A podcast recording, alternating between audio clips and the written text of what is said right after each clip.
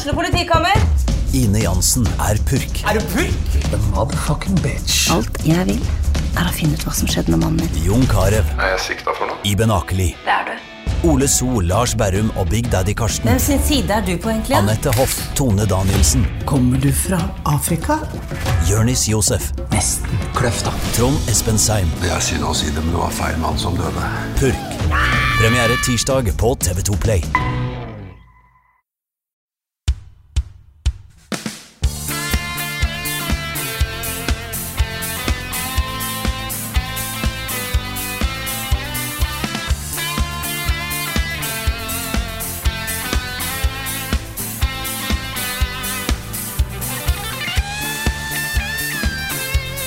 Hallo, alle sammen, og velkommen til en ny episode av podkasten Level Backup. Med meg, Frida Dammo, og med meg har jeg som vanlig Karl Martin Hogsnes og Rune Fjell Olsen. Hallo, folkens. Hallo. Hei, Frida. Hvordan går det med dere i dag? Det går bra?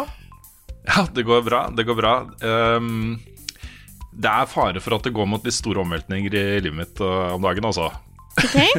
Ok? Jeg husker For noen episoder siden av podkasten, også tidligere rett før sommeren, så sa jeg at åh, vet du hva, jeg har begynt å tenke på at jeg kanskje har lyst på hund. Ja, og så driver vi og posta sånne Facebook-bilder av hunder og sånn nå.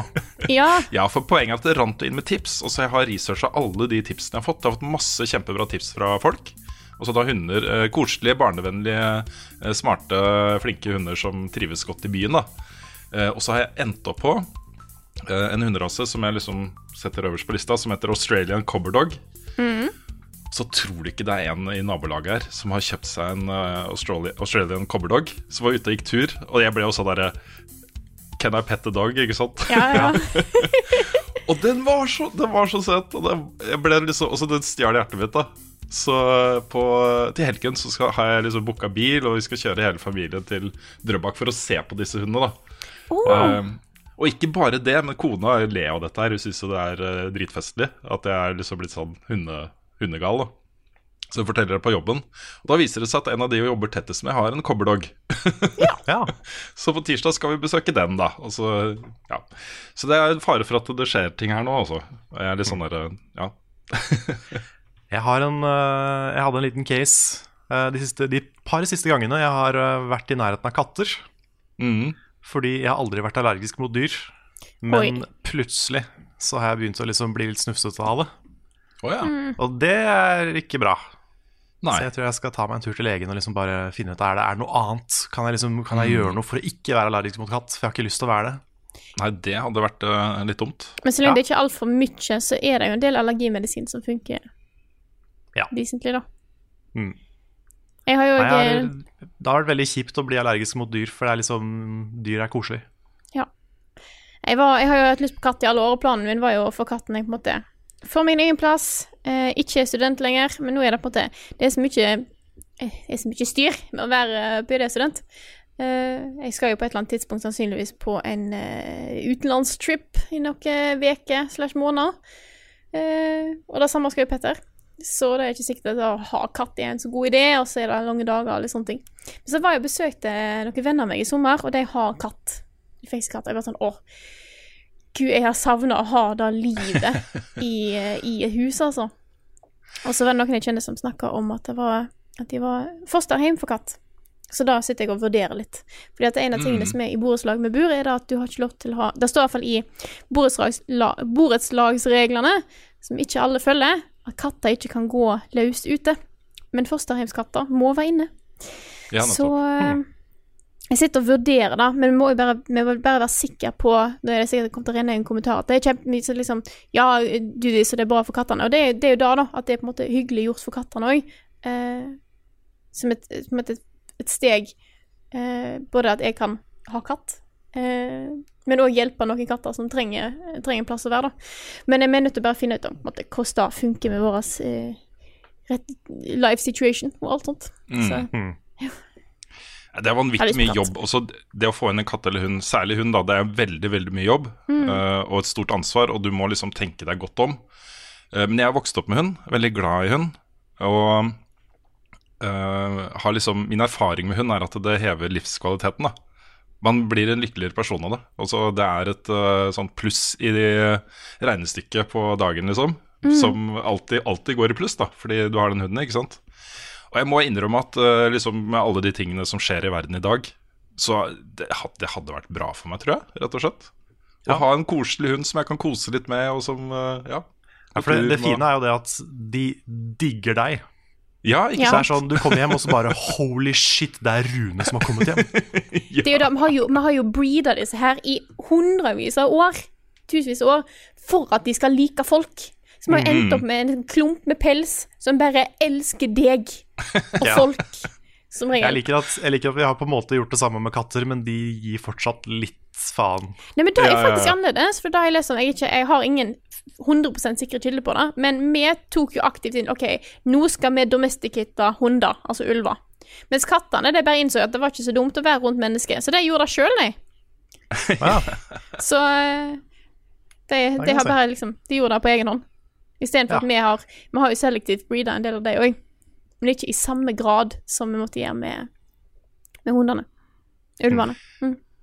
Mm. Jeg posta en sånn komikk uh, for en stund siden, hvor du ser liksom eh, Gud stå i himmelen da, og eh, gi da hunden i gave til menneskeheten. Og så ser du liksom neste panel så står djevelen og kikker opp sånn, og så neste panel så holder han opp en katt. ja, greit. Skal vi snakke om noe annet enn hund og katt? ja jeg, er, jeg, er, jeg er litt kattemenneske, jeg må si det. Jeg er veldig kattemenneske. Ja. Så, Hundemenneske. yes. Ja, Men vi må, ok, ok, nå begynner plugginga igjen. Uh, Ja. Fordi um, uh, 6. oktober, det er en søndag. Yes. så er det da Tiltcast igjen. Tiltcast 2.0. Og det var et utrolig kult arrangement eh, første gangen det ble arrangert i fjor. Det var så hyggelig. Eh, ja, det var kjempeålreit. Og det å bare sitte og høre på alle de andre norske spillpodkastene, ikke alle, da, men noen, um, henge sammen, liksom. Det var ordentlig ordentlig kult. Jeg tror det var veldig kult for publikum også. Så i år så har de utvida. Nå blir det da nede i kjelleren, der hvor de har de svære shuffleboardene, og det er en stor hall, da. Så du kan stå litt sånn oppå mesanin, og du kan være overalt, og det er plass til mange flere mennesker. Eh, Og det er jo da søndag. Dørene åpner klokka ett den 6. oktober. Eh, Og vi er første podkast ut denne gangen, da, så vi starter klokka to. Istedenfor å avslutte som vi gjør sist, så er nå Ja. starten med showet. Nettopp. Og så er det da egentlig, i hvert fall de podkastene jeg kjenner til Jeg vet det er flere podkaster i Norge, men Spelledåsene og Nerdelandslaget er jo de to nye. Eh, Kjempeålreit. Jeg gleder meg til å møte uh, jentene i Spelledåsene. Det er, eh, de har markert seg skikkelig nå. Um, og så er det da Saft og Svele. eh, Lolbua. Lolbua, ja. Lolbua. Det veldig flink. Very Rad nice. Crew. Uh, uh, Spillmatic og Spillmatic. Ja. Er ikke det alle? Jeg Tror det var alle. Hvis det var noe Ja. vi glemte nå, så er vi veldig lei oss og allerede beklaga. Ja. Men det er, hel, det er heldagsting, liksom. Det kommer til å bli kjempeålreit. Jeg har også undersøkt litt om dette med eh, aldersgrense og sånt, fordi det er jo 23-årsgrense på Tilt. Men det vi har fått beskjed om fra Jon Cato, som jo er eh, eh, arrangør, på en måte arrangør, eh, sier at, han sier at i følge med voksne så kan Folk under 18. In, folk under 18 være med, liksom. Eh, før klokka 18 så kan du være 18. Ja. Etter Ja. klokka 18 så må du være 23 hvis du er, kommer alene. Ja, sånn, ja. Ok. Ja. Så før klokka 18, uh, hvis du er 18, så kan du komme uten uh, verge, foreldre, et eller annet. Uh, mens eh, under 18 kan du komme da med foreldre. Yes. Og vi går jo på klokka to, var det det? Så vi Ja. Mm. Så da kan, du, da kan du komme og se oss uansett, så lenge du Mm. eh, enten er over 18 eller har med deg noen. Ja, det blir kjempebra. Og så bare en veldig veldig kort eh, plugg til, fordi eh, datoen er satt nå. 1. desember skal eh, du og jeg, Carl, til Tøyen bibliotek. Jeg vet ikke om jeg har snakka med deg om det. Nei, ikke i det hele tatt. Men det, altså, jeg, jeg fikk vite det på Facebook, på Facebook i går, sammen med de Ja, andre. jeg Så, så det. Ja, Det er noe som heter Bibliogames, og det er et veldig veldig kult opplegg. Hvor de tar utgangspunkt i da spillinteressert ungdom mellom 10 og 15, og gir de et tilbud. Uh, egentlig, Hvordan kan du få noe mer ut av spillinteressen din? Ja, Eh, og vi kult. skal da dit 1.12. Uh, på Tøyen bibliotek for å snakke om det å lage spillanmeldelser. Så driver og diskuterer da med de hvordan opplegget de ønsker seg og sånne ting. Uh, men det kan bli gøy. Og dette er jo sånn type uh, foredrag vi har holdt før. Hvor vi har vist fram litt, bl.a. til uh, kidsa på Iterate. eh, på work, eh, workshopen oppe i Tromsø. eh, Stemmer. Og så videre. Så um, sånn behind the scenes. Hvordan vi tenker, hvordan vi ja, mm. lager anmeldelser, rett og slett. Jeg har kanskje glemt å nevne det for dere, men neste uke skal vi til London, og så Nei da, det ja. Ja, det sånn. ja, Frida, du har satt oss opp på en sånn liten liten ting. Ja. Ja. Mm. Nei, vi skal ikke til London. Sounds good. Hva har du spilt? Spilt i det siste?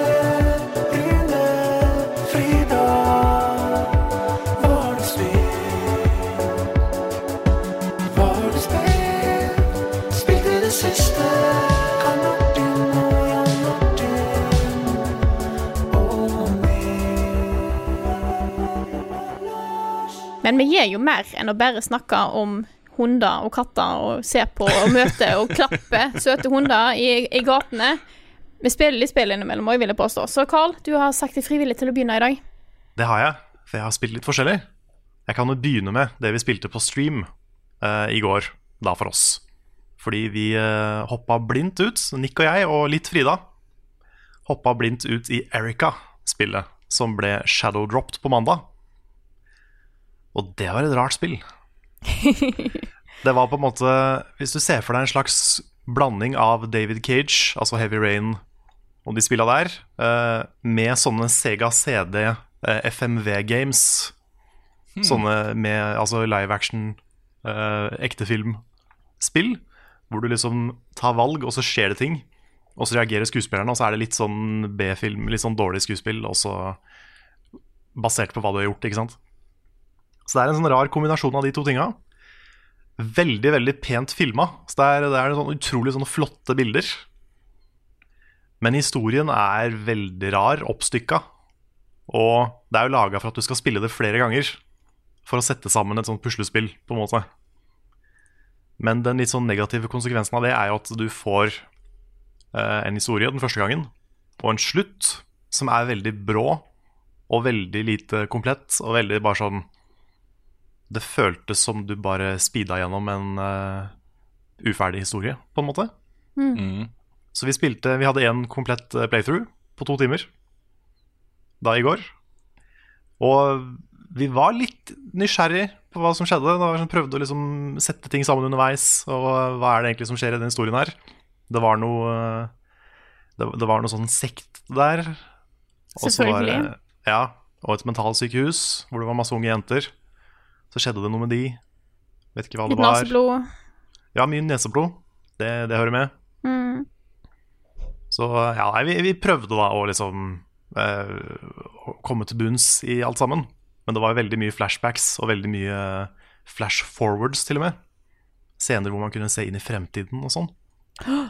Så det var da en litt sånn eh, Litt sånn rar, kryptisk timeline oppi alt sammen. Visste ikke hvem vi kunne stole på, hvem som var snille, hvem som var slemme, og diverse. Men um, det var litt halvveis, syns jeg. Og så vet jeg ikke helt hva den, hva den historien fikk ut av å være et spill. For det var veldig mye av den der tidlig Heavy Rain-interaksjonsgreia. hvor du liksom Det bare stopper opp, og så ok, nå må du ta litt på touchpaden for å åpne den låsen. Og så må du snurre litt på den greia for å komme inn døra. Og så er det tilbake på film. Ops. Så det, det var mye av det, da. Mm. Og det var litt sånn Det føltes litt pointless. Det er bare sånn Ok, nå må vi bare la spilleren gjøre noe. og sånn var det hele tida.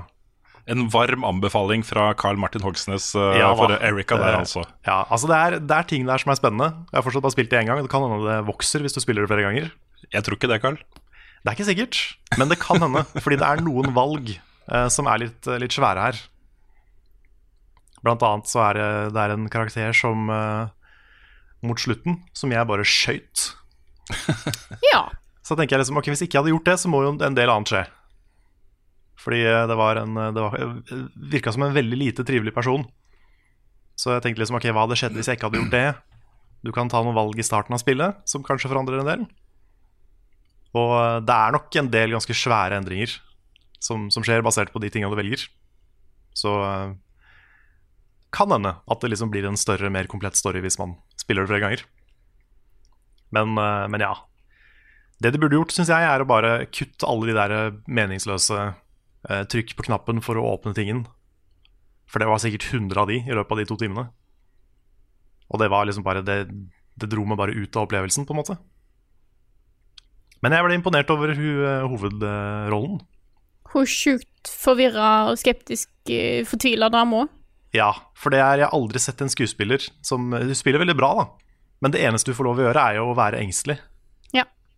Så hun står jo bare i, med sånne store close-up-bilder gjennom hele spillet og er engstelig og redd og forvirra. Jeg, jeg, må bare, se- jeg bare ser for meg hvor grusomt det må være å spille det så lenge. For det skuespillere gjør jo ofte det at de, liksom, de finner jo på en måte det i seg sjøl, og så bare bruker det. Men så, mange utrolig, så utrolig mange timer med footage der hvor hun bare er sånn. Ja. Det må være ganske utmattende. Så, så hun gjør en veldig bra jobb. Og ser ut som en ung Daenerys. Det er, det er nesten skummelt hvor mye hun ligner på Daenerys. Men, men ja, det, det var litt unikt. Det Er jo kanskje en snill ting å si. Jeg tenkte jo jeg skulle sette meg ned med dette her disse ettermiddagene her. Jeg har ikke fått De siste dagene har vært litt sånn hektisk, men eh, jeg tenkte jeg skulle gjøre det de neste dagene og i helga. Mm. Men jeg blir jo mer og mer skeptisk.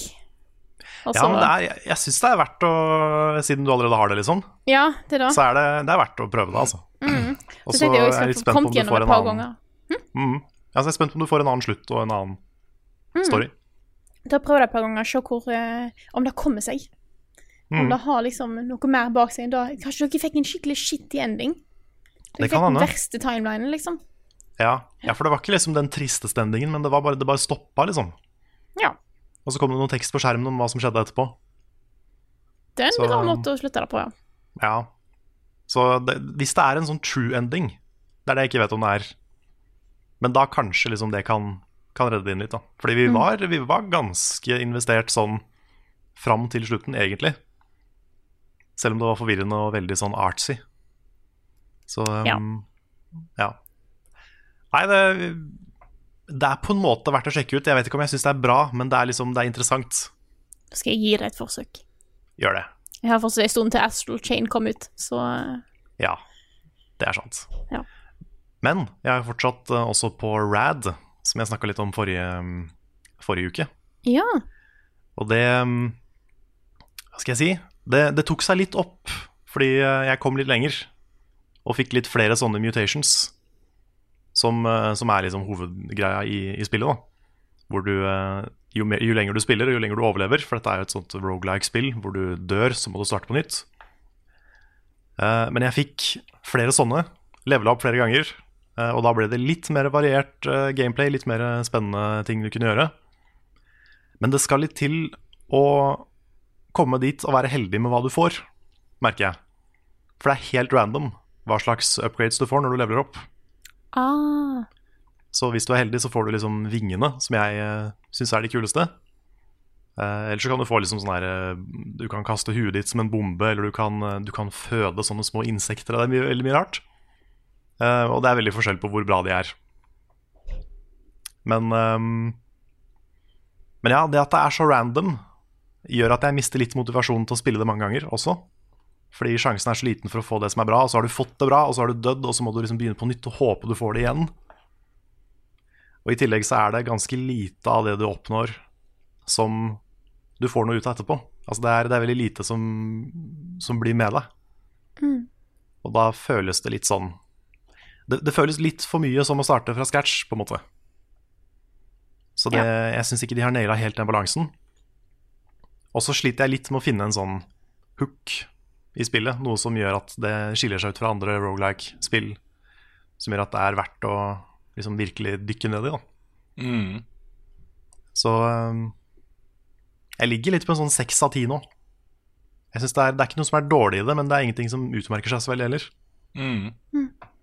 Så det er, uh, det er gøy når du liksom får et bra run, men det er, ikke, det er ikke alltid du gjør det. Og da er det veldig tungt å starte på nytt og liksom bare begynne helt fra scratch og bygge opp en ny character og hele den pakka der, da. Mm. Så jeg ble aldri helt betatt.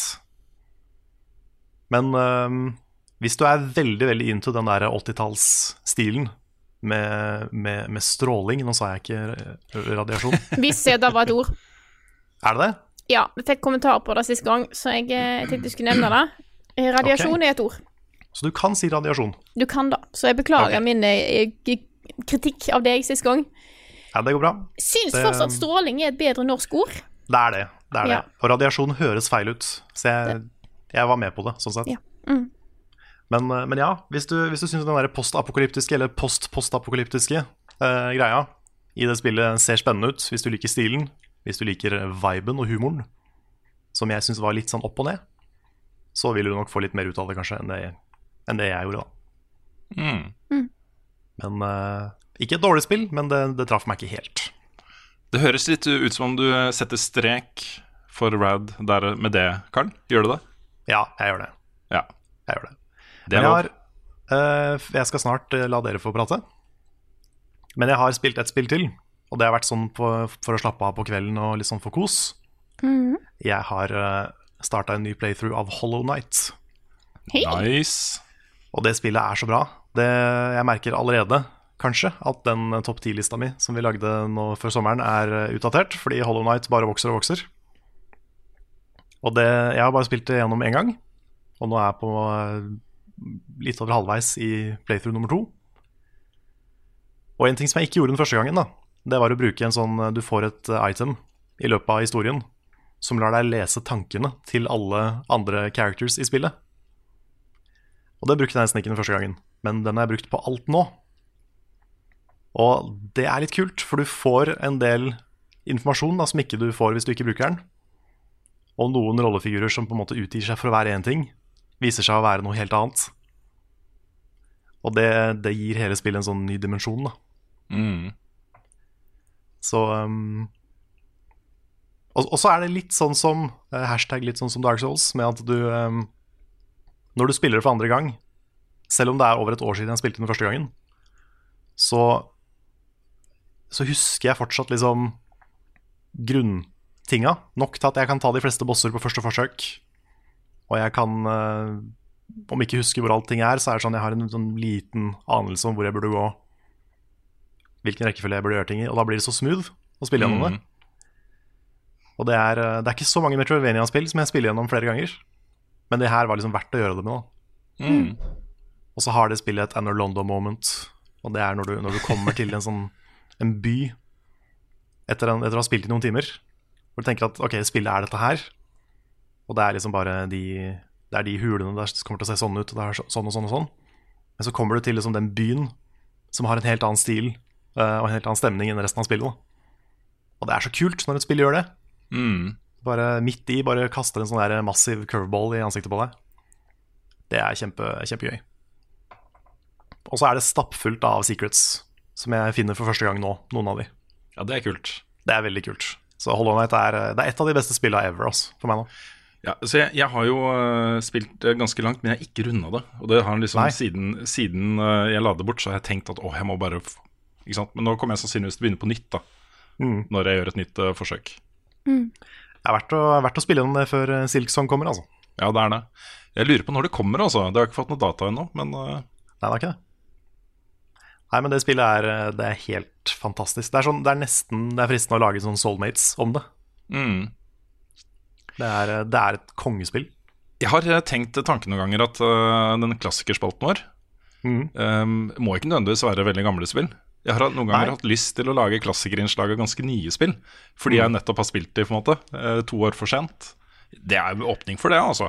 Det er det. Jeg kan jo, kan jo nevne det, at jeg har ikke lyst til å love noe, siden jeg skal anmelde to spill på ganske kort tid nå. Men, eh, men jeg har tatt opptak av hele runde to, Nice. så det, det kan, kan hende at jeg prøver å sette sammen noe der etter hvert. Mm, ja, men det hadde vært veldig kult. Mm. Hollow Knight ble jo sånn spill som kom helt på tampen av uh, Var ikke fjoråret engang, året før, var det ikke det? 2017? Jeg tror det. Jo, det tror jeg det var. Ja. Og jeg fikk liksom spilt det etter at vi hadde på en måte lagt ned sjappa før jul. så spilte jeg det, og det kom jo akkurat med på liksom topp 10-lista mi for da 2017. Men det ble jo ikke en anmeldelse av det, og vi har ikke lagd, gjort noe annet enn å snakke om det i uh, huet og ræva i podkasten, liksom. Ja. Så Det er sant. ja. Men ja, da, da kan, kan dere jeg kan, jeg kan skyte inn veldig kjapt at jeg har begynt på Fire Emblem også. Jeg skulle til å si, har ikke du begynt på dag? Jeg... Jo, jeg har det. Jeg har bare ikke spilt langt nok til å kunne liksom si noe ennå. Bare spilt tutorialen. Men eh, så fort jeg er, jeg er ferdig med litt anmeldelser og sånn, så er jeg tilbake på det. Men da er jeg ferdig. Kult. Skal jeg du fortsette? Ja, fortsett du. Ja, da må, er det jo naturlig da eh, å gå fra litt sånn som Dark Souls til veldig sånn som Dark Souls. Ja. Ja. ja, for jeg har spilt Remnant From The Ashes, det kom nå på tirsdag. Og det er jo, altså det blir jo beskrevet som Dark Souls with guns, og det er det det er. Det er okay. veldig likt. Det er en del sånne forskjeller på um, eh, combat og, og progresjon og sånne ting, men det er helt åpenbart at dette kommer fra samme sted som Surge og Neo og alle de som har, er fryktelig glad i Dark Souls og har lyst til å lage noe som er i gate med det. da. Men det er eh, holdt på å si prosedyrisk generert, er det ikke det? Altså sånn at eh, random baner? Ja, hver gang du starter på nytt, så, så genereres det nye baner. Ja, riktig. Og jeg hadde en, jeg hadde en lang session med Daniel uh, på tirsdag kveld. Um, hvor vi spilte da i co-op, og han kom inn i min verden. Og det som, er, uh, det som han uh, sendte som tilbakemelding dagen etter, da, var at ok, når han skulle fortsette på storyen, så måtte han spille de tingene vi hadde spilt. Så han får progresjon på character development og upgrades og sånne ting. Shared loot, men han får ikke progresjon på storyen. Så han han, da ble han litt sånn ah, Dette gidder jeg ikke. Nei, ok, nei, for det er sånn det funker i alle de andre også. Ja. Men uh, du får i hvert fall lut, da. Altså, du, du får noe igjen for å komme inn i verden til en annen. Uh, men jeg tenker at hvis du er liksom en par-tre Det er inntil tre spillere da, i coop dette her, uh, som har lyst til å spille gjennom hele dritten sammen, så er det en mulighet. Da får du kanskje mer ut fra det enn å hoppe fram og tilbake, på en måte. Jeg Ja, eh, for du, du kan det? Altså du kan starte på begynnelsen og så spille hele spillet i én session, på en måte? Nei, men når da, hvis da Daniel eh, Hvis vi starter spillet samtidig, og han kommer inn i mitt spill hele tiden, så fortsetter vi jo på en måte på min strain, da. Min uh... Ja, ok. For det er ikke sånn at han må komme til der hvor du er for å komme inn igjen? For sånn er det jo i Souls. Ja, eh, nei. Ikke, det er ikke akkurat sånn det er. Det, Ok. Men eh, det er en liten sånn tutorial-del først, som du må gjennom og velge eh, class og litt sånne ting. Um, bare du har gjort det, så kan du liksom joine, da. Du kan også eh, åpne på en måte uh, matchmakinga til å gjelde globalt. Så du kan spille okay. med randoms, da. Ok, Litt om spillet. da Jeg kommer nok til å lage en anmeldelse av dette. her Jeg kommer nok til å lage en anmeldelse av dette. her Det ble litt fort, så det kunne høres Ja. som jeg sa at jeg kommer ikke til å lage en anmeldelse. Men førsteinntrykket mitt er at uh, det er overraskende gøy å spille. Fordi mens jeg spilte det, så var det litt sånn Ja, dette er Dark Souls, men litt jalla. Det er ikke like stort team, de er ikke like flinke, det er ikke like proft, det er ikke like uh, polert. Um, men da jeg våkna dagen etter, så var det sånn Vet du hva, jeg har lyst til å spille Remnant.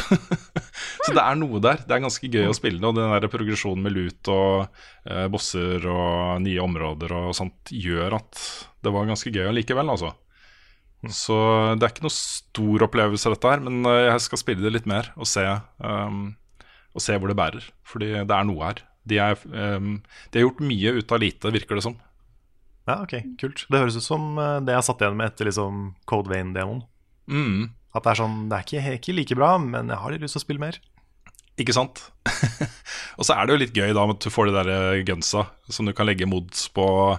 Eh, Det blir jo litt sånn minmaxing, og du finner nye mods, og du kan kjøpe upgrades, og du kan kjøpe nye våpen og nye armor, og finne armor, og plutselig så finner du en boss sånn på et helt random sted, og det er litt sånn Det er mye overraskelser hele veien. Du får hele tiden en sånn viss følelse av progresjon, da. Ja. Um, det, som, det som gjør meg litt skeptisk, er at jeg, er litt, jeg har aldri vært noe god på sånne third person shooters. mm, Så jeg vet ikke hvor mye sånn sikting i tredjeperson det er. For jo mer av det det er, jo dårligere kommer jeg til å være i det. Nei, det sa, den kommentaren jeg kom med mest til Daniel mens vi spilte, var Hvorfor er det ikke noe lock-on her? Ja, ok. For det savner jeg, det savner jeg veldig. Det er eh, ofte, Du blir ofte overrumpla eh, av veldig mange fiender samtidig. Og eh, jeg har valgt eh, liksom tank-klassen, så jeg har eh, mye armor og en shotgun og sånne ting. Um, og mesteparten av det som jeg har møtt så langt av bare mobs, er oneshot med shotgun. da Så det går mye på liksom posisjonering og sånne ting. Men uh, det er, blir litt sånn der, vinglete med kamera og sånt også, for du må liksom manuelt sikte hele veien, liksom. Så jeg skulle gjerne hatt en, en, i hvert fall en delvis lock-on eller et eller annet, liksom. Noe som gjør at den, akkurat den filen der hadde vært litt bedre. En easy mode. Ja, det var det Daniel sa også. Ja. Ja, så du vil ha en easy mode? Men uh, det er jo lock-on i Dark Souls-spillene. Det er ikke noe lett allikevel. Så, Nei, det er helt sant. Også ikke altså ikke noe shame for å ville ha easy mode. Det er, eh, Mm. det er helt greit, det. Så var det da den første bossen vi kom til, den første skikkelige bossen. Så var det sånn Vi kom inn i rommet og døde, sånn basically momentant. Ja, okay, ja. Uh, og gjorde det mange ganger. Kom litt lengre, litt lengre, litt lengre, og til slutt så tok vi den. da Så det også er en sånn følelse som jeg kjenner godt fra Souls-spillene, som, eh, som ga meg mye glede. Vi fikk det til. Vi kom inn, vi døde momentant. vi sto inne i et rom der, vi ble liksom ganga opp av masse eh, mobs pluss bossen da, som drev og skjøt ting på oss. Det var bare ja, sjanseløst. så, men vi kom oss videre, så ja. Kommer nok til å spille litt mer. ja, kult. Og så har jeg også uh, spilt uh, ganske langt, faktisk. Uh, det er ikke så langt det spillet her, tror jeg, men Dark, som jeg jo har snakka litt om i sommer. Eh, Dark med Q. Det, er jo, det blir jo billa som et horrorspill. Eh, og hvis du har bare sett de der snuttene som utvikleren har lagt ut på Twitter, og sånne korte glimt fra spillet, så får du inntrykk av at dette her er super weird. Dette er kjemperart. eh, og det kan virke litt avskrekkende for folk at det er så rart. Men etter å ha spilt det, det er ikke så rart. det er egentlig ganske standard sånn 2D puzzle-mekanikker eh, med en veldig stilig innpakning. Altså en vis, stilig visuell stil og verden. Eh, og så har du jo liksom perspektivpuzzles hele tiden, da, hvor du kan snu liksom på bildet, sånn at du kan klatre opp eh, veggen og gå på taket og så rundt hjørnet og så sånne ting. Men stort sett så handler det om at du må finne ting da, uh, som du skal bruke på dette miljøet her for å komme deg videre. Du har uh, sånne tannhjul og armer. Masse greier liksom som du må finne for å sette inn i ting, og så trykker du på den tingen og løper bort dit og trykker på den spaken, og så kommer du videre. ikke sant? Så det er ganske standard gameplay, men det er, det er bra, altså. Eh, ikke kanskje like unikt som jeg hadde håpa det skulle være, men eh, bra. Yes. Så det kommer det også en anmeldelse av. Men jeg, det som tar mest tid eh, nå, er et spill jeg ikke kan snakke om ennå. Som Ja. eh, har eh, ja. Ja. som eh, kommer snart. Men embargo er eh, neste uke. Så Men det er ehm, Det gleder jeg meg til å snakke om, for å si det sånn. For det er, det er ting der som, eh, som jeg syns er eh, helt insane. Så Den, den måneden her har vi fått mye spill tidlig, det er veldig deilig. Ja. Ja, det er kjempeålreit. Kanskje det har sammenheng med at vi runda 30 000 på YouTube. Kanskje det er en sånn der, eh, terskel for publisherne. Bare å, 30 000, ja! Det er mer enn 29 995. Ja, nå kanskje vi kan begynne å sende dem spill. Ja, kanskje det. Nei, men det er veldig ålreit å få litt tid eh, før utgivelse til å sette seg ned. Og ikke minst så syns jeg det er så deilig å spille ting som det ikke er anmeldelser av ute. Det er en en kjempedeilig følelse å bare liksom vite at du er helt upåvirka av hva andre mener. Så ja. Det er en anmeldelse som folk kan da uh, glede seg til å se neste uke. Ja. Det er også litt skummelt, da. Sånn der, hvis du, hvis du Ja. elsker et spill og gir det liksom Ok, dette er ti av ti, Mm. og så kommer alle de andre anmeldelsene ut, og så er det sånn fire av ti. Sånn, shit, er jeg så rar? Nei, vet du hva, sånn følte jeg det i mange år. Etter at jeg Ja, starta altså, som ikke, anmelder. ikke at det gjør noe, jeg mener ikke det. det er jo, eh, man skal jo bare være ærlig om sin egen opplevelse. Mm. Ja, men det er en Det det er veldig naturlig at det er en skummel følelse. Mm. Det er eh, bare shit. Tenk om absolutt alle er uenige med meg. Tenk om jeg er den eneste i verden som hater det spillet her, da. Eller elsker det. Ja. Så, men det går over. Etter noen år og litt erfaring, så går det over. ja. I hvert fall hvis ikke du får en sånn veldig sint internettmobb på deg, så går det fort over. ja, det er sant. Det er sant. Det er heldigvis til gode å få. Mm. Nei, jeg kan si at jeg eh, i det siste, de siste Det var litt i helga òg. Så havna jeg på eh, seriekjøret igjen. Eh, og nå er det ingen av de som kaller Nei, Rune har anmeldt. Uh, jeg kom plutselig på at en av seriene som jeg var veldig glad i da jeg var yngre, nemlig Veronica Mars, som er jo Teenage Oh. De Detective, fikk en ny sesong i sommer. Så den har jeg stått og sett i det siste. Jeg kan anbefale den hvis du er stor fan av Veronica Mars. Så kan vi diskutere slutten etterpå. Der er det mye fint. Jeg har mange Jeg har helt glemt den. jeg. Jeg også var superglad i Veronica Mars. Det var veldig Også den kom litt i eh, kjølvannet av litt mer sånn der lette uh, teenserier. Også sånn ting som var litt light. Og så ble det plutselig ganske seriøst, liksom. Og hun tok opp ganske eh, spennende ting, da. Mm. Og alvorlige ting. Og det ble eh, Jeg syns det er innmari god serie, altså. Det er det. Og jeg så òg filmen som kom i 2014. Før jeg begynte på serien, og bare, eller sesong fire, og bare sånn for å få en liten sammenheng her, da. Eh, Den syns jeg er veldig bra, så jeg, jeg har kost meg med den. Men jeg, i helga har jeg jobba litt med den videoen som jeg snakka litt om forrige uke. Og jeg tenkte bare skulle liksom få uh, gi et innblikk i hvordan det er å av og til jobbe med video. Fordi jeg har skrevet et manus jeg er veldig fornøyd med. Jeg har spilt det inn, veldig fornøyd med min egen performance. Men jeg har problemer med å sette sammen videoen på en god måte. For jeg har, en, jeg har liksom en visjon om hva jeg vil, men det er litt vanskelig, for dette her er en video om et tema, eller én ting. Eh, så jeg har Jeg prøver å finne ut hvordan jeg kan få videoen til ikke bli kjedelig å se på. Mm. For jeg tror akkurat nå så har jeg et manus som funker bra for seg sjøl, med litt videoklipp, men jeg prøver liksom å finne ut hvordan kan jeg gjøre det ikke kjedelig. Så denne her må jeg jobbe litt med, altså. Så det er, på en måte, dette er en utfordring for meg, mer sånn film-wise. Jeg kjenner til problemet. Det er sånn når du Når det fins lite videofootage av det du vil formidle, og du har, en, du har ganske mange minutter med video du skal fylle, Ja. den er litt tricky. Så det er da jeg eh, driver og prøver å finne ut hvordan jeg kan gjøre det, om jeg skal ta og klippe det sammen litt eh, annerledes. Så det er, det er en ting jeg eh, jobber med for tida, så det tar litt tid. Så den kommer en gang. En gang. En gang. Men jeg, jeg, gleder, jeg gleder meg til å få den ut, for jeg, jeg det, var en, det var en kjekk video å skrive. Eh, Jeg håper, jeg håper jeg får den så bra som min visjon har vært om, eh, om dette her. Ukens anbefaling. Hva skal jeg finne på? Ukens anbefaling. Hva skal jeg finne på? Ukens anbefaling.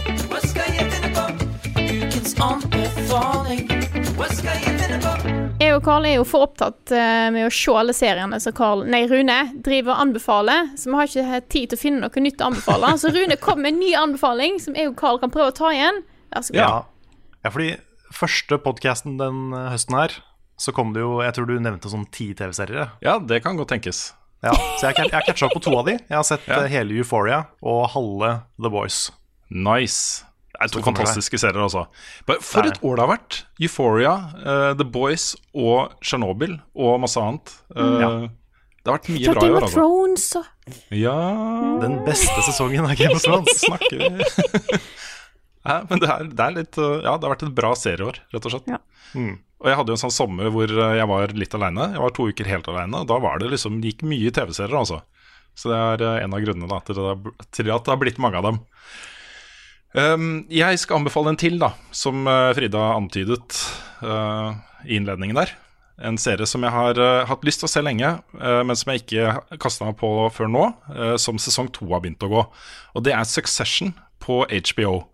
Det er jo en serie som sies å være da inspirert av Murdoch-familien. Um, hoved, Altså, du følger en familie, Roy-familien, med liksom gamlefar Logan Roy som liksom sjefen sjøl.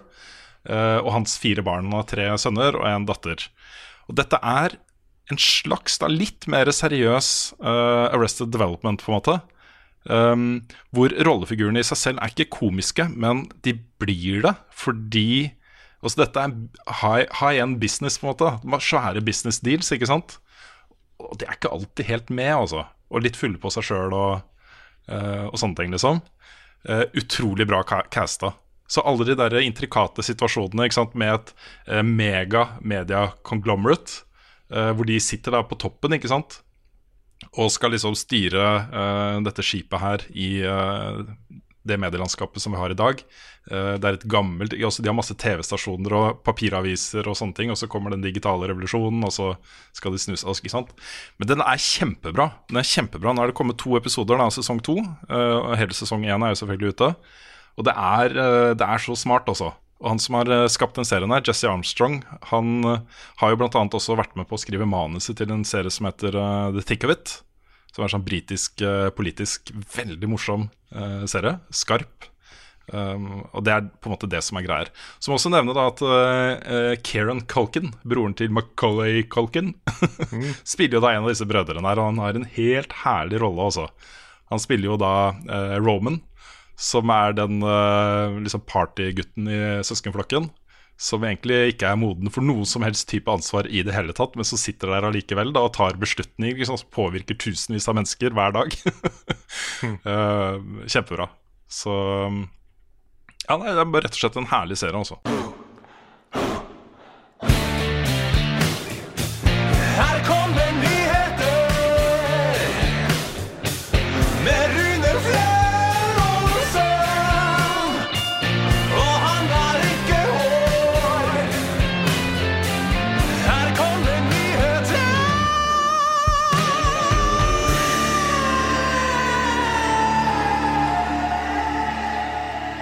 Ja, nå begynner det å skje ting.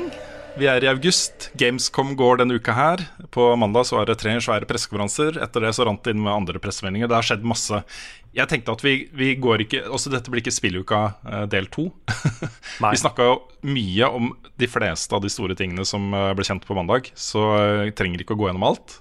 Nei, de, de to første episodene av spilluka De har jo på en måte hatt en hel sesong med spilluka med nyheter. Ja, de har det. Det er helt sant. Det er helt sant. Men de største tingene, da, var eh, Kan du ta noen av de helt nye tingene? Noen få av de. Uh, Little Nightmares 2 ble jo uh, annonsert. Stemmer. Litt ut fra ingenting. Uh, Kerbal Space Program 2. Kanskje Gamescoms kuleste trailer. Eh, vi fikk liksom et uh, påfyll av eh, spill som kommer til Google Stadia, inkludert av Cyberpunk eh, 2077 og uh, Watchdogs Legion og ja, masse greier. Eh, og så fikk vi en 18 minutter lang gameplay-video fra Marvels Avengers.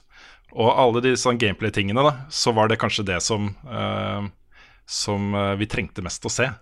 Hvordan det spillet faktisk blir å spille. Fordi det de viste fram på E3, var liksom kunne vært hva som helst. Og så Ja. Jeg fikk ikke noe inntrykk av hvordan det ville være å spille i det hele tatt. da Nei, det var, det var noen sekunder med gameplay, tror jeg, liksom. Men det var, Ja. det var så kort og så umulig å få noe ut av at det, var, det var basically ingenting. Så du sier Ja. at tissinga i Death Stranding var ikke det du trang mest å se? På Jo da, Vi snakka så, så mye om Death Stranding i Ja spilluka, ja da, men, det. men det var jo høydepunktet på, på mandag. Eh, at du fikk se masse nytt og fett fra Death Stranding. Det, Ja. det er sant. Og så er har, det de har gått ut og sagt nå Det er fortsatt veldig weird, men de har gått ut og sagt nå at du kan ikke snu kamera og se tissen til Norman Reedus. Nei, du Da kan ikke det. kommer noen til å få til. Ja, sikkert. Mods, vet du. Ja. Um, nei, på, på Gamescom, da, hvis du er på Gamescom Det de viste fram der, er jo briefing-missionet helt i starten av spillet. Og Kojima sier da at hvis du ser den briefing-missionen, eller spiller den, da, så skjønner du mer om hva det spillet faktisk er. da. Så eh, der kommer det nok noen rapporter eh, ganske snart, tenker jeg, på, på hva, hva folk ser der. Eh, men det jeg skulle si da om, om Marvels Avengers, er jo at eh, dette er jo introsekvensen det som skjer på en måte før spillet kommer ordentlig godt i gang. Du er på Golden Gate Bridge i San Francisco.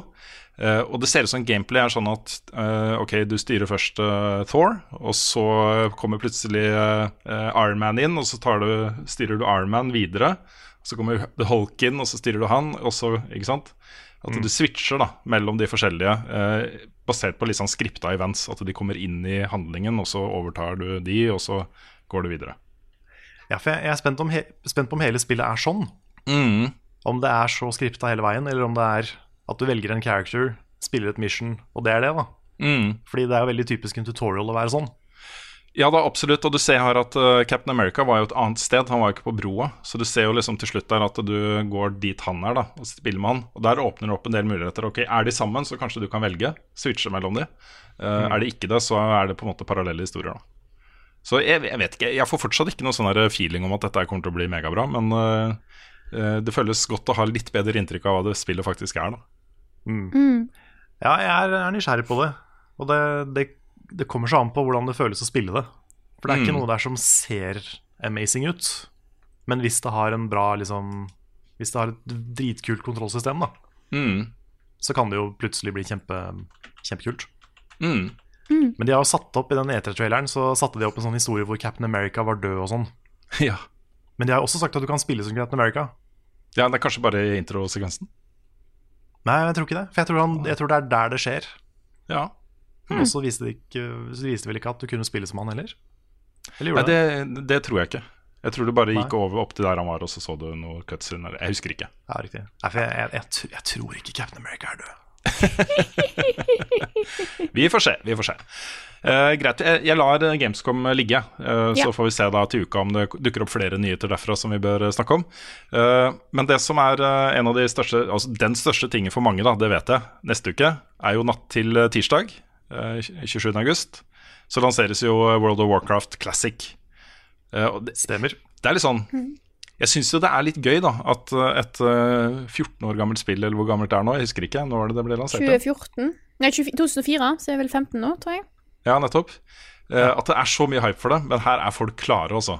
Bare tenk, det var jo uh, eh, WoW Classic, det var jo liksom Jeg tror det var 12-13 millioner mennesker som spilte det. Eh, mange av de har jo gått videre til andre spill, eller til å slutte å spille i det hele tatt. Uh, og nå har jo liksom Blizzard også åpna opp for uh, sånne uh, Reserver det gamle navnet ditt, bestem serveren du skal spille på, teame opp liksom før det lanseres, sånn at du kan liksom vekke til live det gamle gildet ditt og gå tilbake og kose deg med de tingene du husker, ikke sant? Hmm.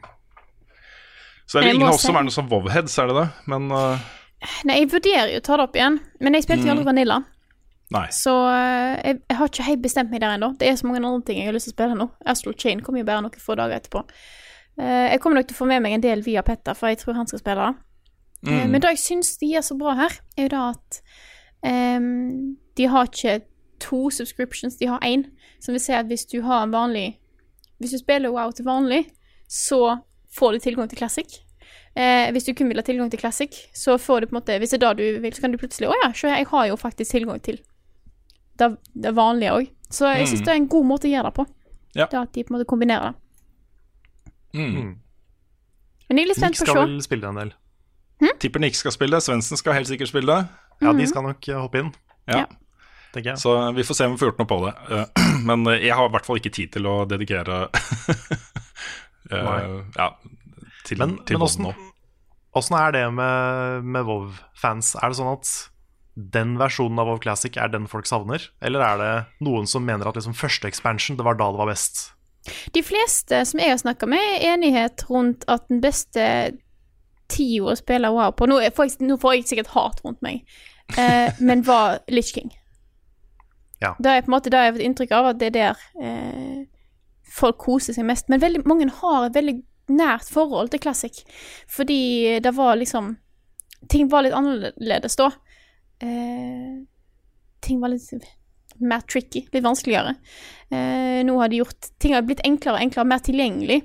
Eh, og noen mener jo at i nyere expansions har ting blitt for enkelt. Eh, da kan jeg skjønne hvorfor de mener. Eh, ikke i vanskelig skade nødvendigvis, men at de har på en måte gjort ting skal være så tilrettelagt, Ja, eh, Men jeg vet at det er mange som er veldig glad i Classic, og det er derfor mange har spilt på private servere, for å få den opplevelsen igjen. Eh, med eventuelt modifikasjoner sånn, som jeg vet at noen er glad i. Så jeg er litt spent på å se hvordan dette her blir, da, når de på en måte får dette her som de har på en måte savna litt. De har lyst, det, det er jo nostalgi dette her eh, appellerer til. Så jeg er spent på å se hvordan folk opplever det når de får testa det igjen nå. Mm. For dette er jo eh, Det er jo 15 år, snart 15 år siden dette kom ut. Og det er ikke sikkert at ting er helt sånn som de husker at det var. Nei, for jeg har ikke spilt WoW Classic. Jeg har ikke spilt WoW i det hele tatt, for så vidt. Men jeg ser jo for meg at det må jo være noen sånne, sånne rosebriller uh, på enkelte ting. Hvor man logger inn, og så bare Å, åssen er det man Å. Men jeg vil tippe det, at uh, det er sikkert enten at det er kanskje noen som på en måte har glemt de små feilene som kan være, for det er lett å, å glemme med tida. Men jeg vil òg tippe at det er veldig mange som vil kanskje få litt tilbake disse følelsene av hvordan det var å spille det da, eh, og se veldig kjærlig på det. Så jeg, jeg, jeg er spent på å se hva disse dedikerte fansa sier, Mm. egentlig. Så jeg, jeg, jeg, jeg, ja, jeg er mest spent på å se på en måte hvordan det blir mottatt. For jeg, håper jo selvfølgelig at dette er noe som At det er det folk drømmer om at det skal være. Mm. Greit, vi går litt videre til et uh, rykte som uh, jeg har litt tro på det. At Ryktet er da at Sony vurderer nå eh, andre plattformer for eh, spillene sine. Og med andre mm. plattformer så mener du da PC. Ja. ikke sant? Eller Google Ja, Stadia. ikke Switch, eller, liksom. ikke Switch eller Xbox, uh, vil jeg anta. Nei. Um, Nei, for Microsoft har jo Ja, det kom jo fram nå på Gamescom at Ori and the Blind Forest, som er et Microsoft-publisha spill, kommer på Switch. Jepp. Så eh, det virker som Microsoft og Nintendo er i ferd med å bli ganske gode venner. Og det, det makes sense, liksom. Der Ja. er det De er ikke så direkte konkurrenter som det Sony og Microsoft er. Så eh, der er det win-win, tror jeg, for begge. Um, men eh, jeg, jeg, tror, jeg tror Sony har liksom bare sett på PC-plattformen og uh, vurdert det uh, som om det kunne vært en aktuell plattform for dem, akkurat som det er for eh, Microsoft. Hvor de har uh, dobbel utgivelse. Ikke sant? Det kommer både på PC og på Xbox One. Uh, nå lages jo disse spillene til eh, PlayStation 4 eh, med PC-arkitektur eh, som utgangspunkt. Så det å på en måte få det ut på PC er kanskje ikke verdens største operasjon heller. Kommer det sikkert på Sony Playstore. Kanskje. Det kan hende. det kan Ellers hende. så, så kjøper de Epic Game Store. Ja, det kan ikke hende, tror jeg. Nei, jeg tror ikke jeg nei. Epic tror jeg har ganske mye penger nå. Ja. Nei, men du får følge med, med litt Rannar. Det er jo massevis av disse eksklusive PC-spillene som hvis de dukker opp på PC og får et nytt publikum, så kan det bli ganske spennende. Altså, Hvis jeg får Bloodborne på PC Mm. med 60 frames og mod support, Ja. så ja, da er jeg set for life. For life, faktisk. ja, det høres bra ut. Ja. Yes. Yes, og så Akkurat nå da pågår The International, som jo er jeg mener det er verdens beste e-sportturnering. De er så proffe, både på kommentering og presentasjon og alt mulig rart. Jeg syns det er gøy å se på Dota 2, selv om jeg ikke kan Dota 2 selv. Eh, Så, så forstår jeg nok til at jeg syns det er spennende å se på. Så jeg satt og kikka på eh, Det var jo da etter at du spilte inn eh, spilluka, Karl, så hadde jo Alliance, det nordiske, stort sett da, nordiske laget, med da norske Tommy Lee, Taiga, på, på laget. Eh, De spilte jo da sin første sluttspillmatch. Og Da hadde det vært gruppespill, og de hadde gjort det kjempebra. De vant sin første match, og så spilte de en serie med uavgjort-matcher og sånt, som gjorde at de havna i lower bracket. Og det er liksom Det er døden for dem. Fordi det er single elimination i lower bracket. Du må vinne den første Du har ingen sjanser. Og Det som skjedde der, var jo at de skulle eh, eliminere Heroes før matchen starta. Og så gikk tida ut, og idet de klikka på en hero som de skulle eh, fjerne da, fra lagoppstillingen til motstanderne, eh, RNG fra Kina, så valgte de isteden den helten til seg selv. For det switcha, ikke sant. Det telte ned. Eh, ikke sant? Å nei. Og det gjorde da sannsynligvis at de tapte den matchen. For da ble det et helt annet kampoppsett som de ikke hadde forberedt seg på. De hadde en eh, hero på laget som de ikke hadde øvd på. Det var liksom masse sånne greier. da så, men det var en veldig tett match, eh, og veldig spennende å se på. Eh, og de drar jo derfra, da, siden de kom til sluttspillet. De kom seg gjennom gruppespillet eh, med 4,5 millioner kroner. Så det er ikke helt bortkasta. Det gjorde en god figur også, på international generelt. Ha. Så de kommer nok til å se mer fra. Mer norske nyheter. I går ble Milkmade of the Milky Way, det norske spillet, lansert på Switch. Dette er et herlig, eh, herlig pek og klikk eh, adventure-spill, lagd eh, av én person. som gjorde det veldig bra på mobil, og fikk god omtale av Lars hos oss. Og så nå er ute på Switch. Så jeg vil anbefale deg å støtte opp rundt norsk spillindustri, og sjekke ut det spillet og se om det kan være, være noe for deg. Um, vi hadde en liten diskusjon i uh, spilluka som jeg valgte å uh, klippe bort. Rett og slett for det ble en ganske lang episode. Jeg tenkte at ok, vi kan kanskje snakke litt om det i podkasten. Kanskje jeg klipper det bort herfra også, hvem vet. Ok. Um, men det har jo vært masse bråk rundt Apex Legends uh, de siste par ukene. Først ved at de introduserte et lootbox-system fra helvete. Hvor uh, i praksis, da, hvis du hadde lyst på den dumme øksa som var liksom til slutt i det lootbox-systemet, så måtte du ut med rundt 1400 kroner. Du måtte liksom kjøpe alle lootboxene én etter én for å kunne kjøpe den siste. Eh, det har de gått ut og endra på, men i kjølvannet av den diskusjonen så ble det ganske oppheta på eh, subredditen til eh, Apex Legends. Noe som da førte til at eh, noen av utviklerne i eh, Respawn til slutt brukte litt sånn ord som kanskje de ikke burde ha brukt. Det var i hvert fall veldig oppheta. De kalte Inkludert liksom community manageren. Ja. Ja. Uh, og det er sånn Jeg skjønner godt, jeg, at spillutviklere kaller noen av fansene sine for asshats og sånn. Jeg, jeg, jeg kan forstå det. Ja, det kan jeg også er, eh, Ikke sant. Men det er uproft, altså. Og det var også budskapet til uh, Vince Zampella, som er da toppsjef i Respawn, da han gikk ut og beklaga oppførselen. Han sa da at uh, språkbruken deres uh, er ikke akseptabel. Eh, men han sa jo også samtidig at, At han forstår det kan bli oppheta, at man sier ting man ikke eh, mener eller man ikke burde ha sagt. Og han støtter alle utviklerne sine. Så det er ingen som får sparken for dette her. Men eh, det var en ganske absurd eh, situasjon å følge. Også. Ikke minst fordi veldig mange av de andre på subredditen støtta jo respawn i dette her. Det ble jo litt sånn det var, ikke, det var ikke den der mobben som har kasta seg over respawn og sa 'hva er det dere gjør for noe'? det var liksom ja. Men på å si, hvem, hvem er det de refererte til som asshats oppi det her? For hvis det er folk som sender en drapstrussel, liksom, så skjønner jeg det. Da, da forstår jeg det, det behovet for å markere seg noen ganger. Ja, alle, ettersom jeg forsto det, alle de uh, sånn skarpe ord, uh, ordene som ble brukt da, av Respawn-utviklerne, var generelle. Og så Det var okay. snakk om asshats som gjør sånn og sånn mot oss, eller sier det og det, et eller annet, liksom. Eh, jeg, tror okay. ikke, jeg tror ikke eh, Det er mulig at jeg tar feil, men jeg tror ikke det gikk direkte på brukere og var ufine mot det, liksom. Nei. Um, Det jeg reagerte på i den tråden, var at de eh, kalte spillerne sine som ikke bruker penger på spillet, og det spillet er jo free to play, for freeloaders. mm, For det er et veldig Ja, den- negativt lada uttrykk. ja. Og de sa liksom, skrev det sånn ja, at vi har mange som er freeloaders, eh, og da setter vi veldig pris på. Eh, I måte Dette var jo paraphrase, da. Eh, som at de, at de, de har ikke noe imot at folk ikke betaler. Da bør du ikke kalle de freeloaders. For da Da Nei, har det syns jeg Ja. Ja, sorry, bare fortsett. Ja, nei, jeg syns det, det har en sånn negativ eh, tone. Det er ne Mm. negativt lada ord. Mm. Ja. Ja, det syns jeg kanskje er verre enn assets, faktisk. Fordi noen folk er asshats.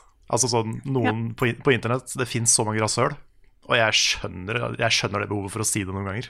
mm, For når du, du, jobber, altså, du lager spill, du, denne hverdagen du møter med tilbakemeldinger Det er jo ofte helt for jævlig, liksom. mm.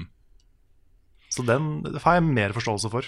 Men freeloaders er litt sånn uh, Ja.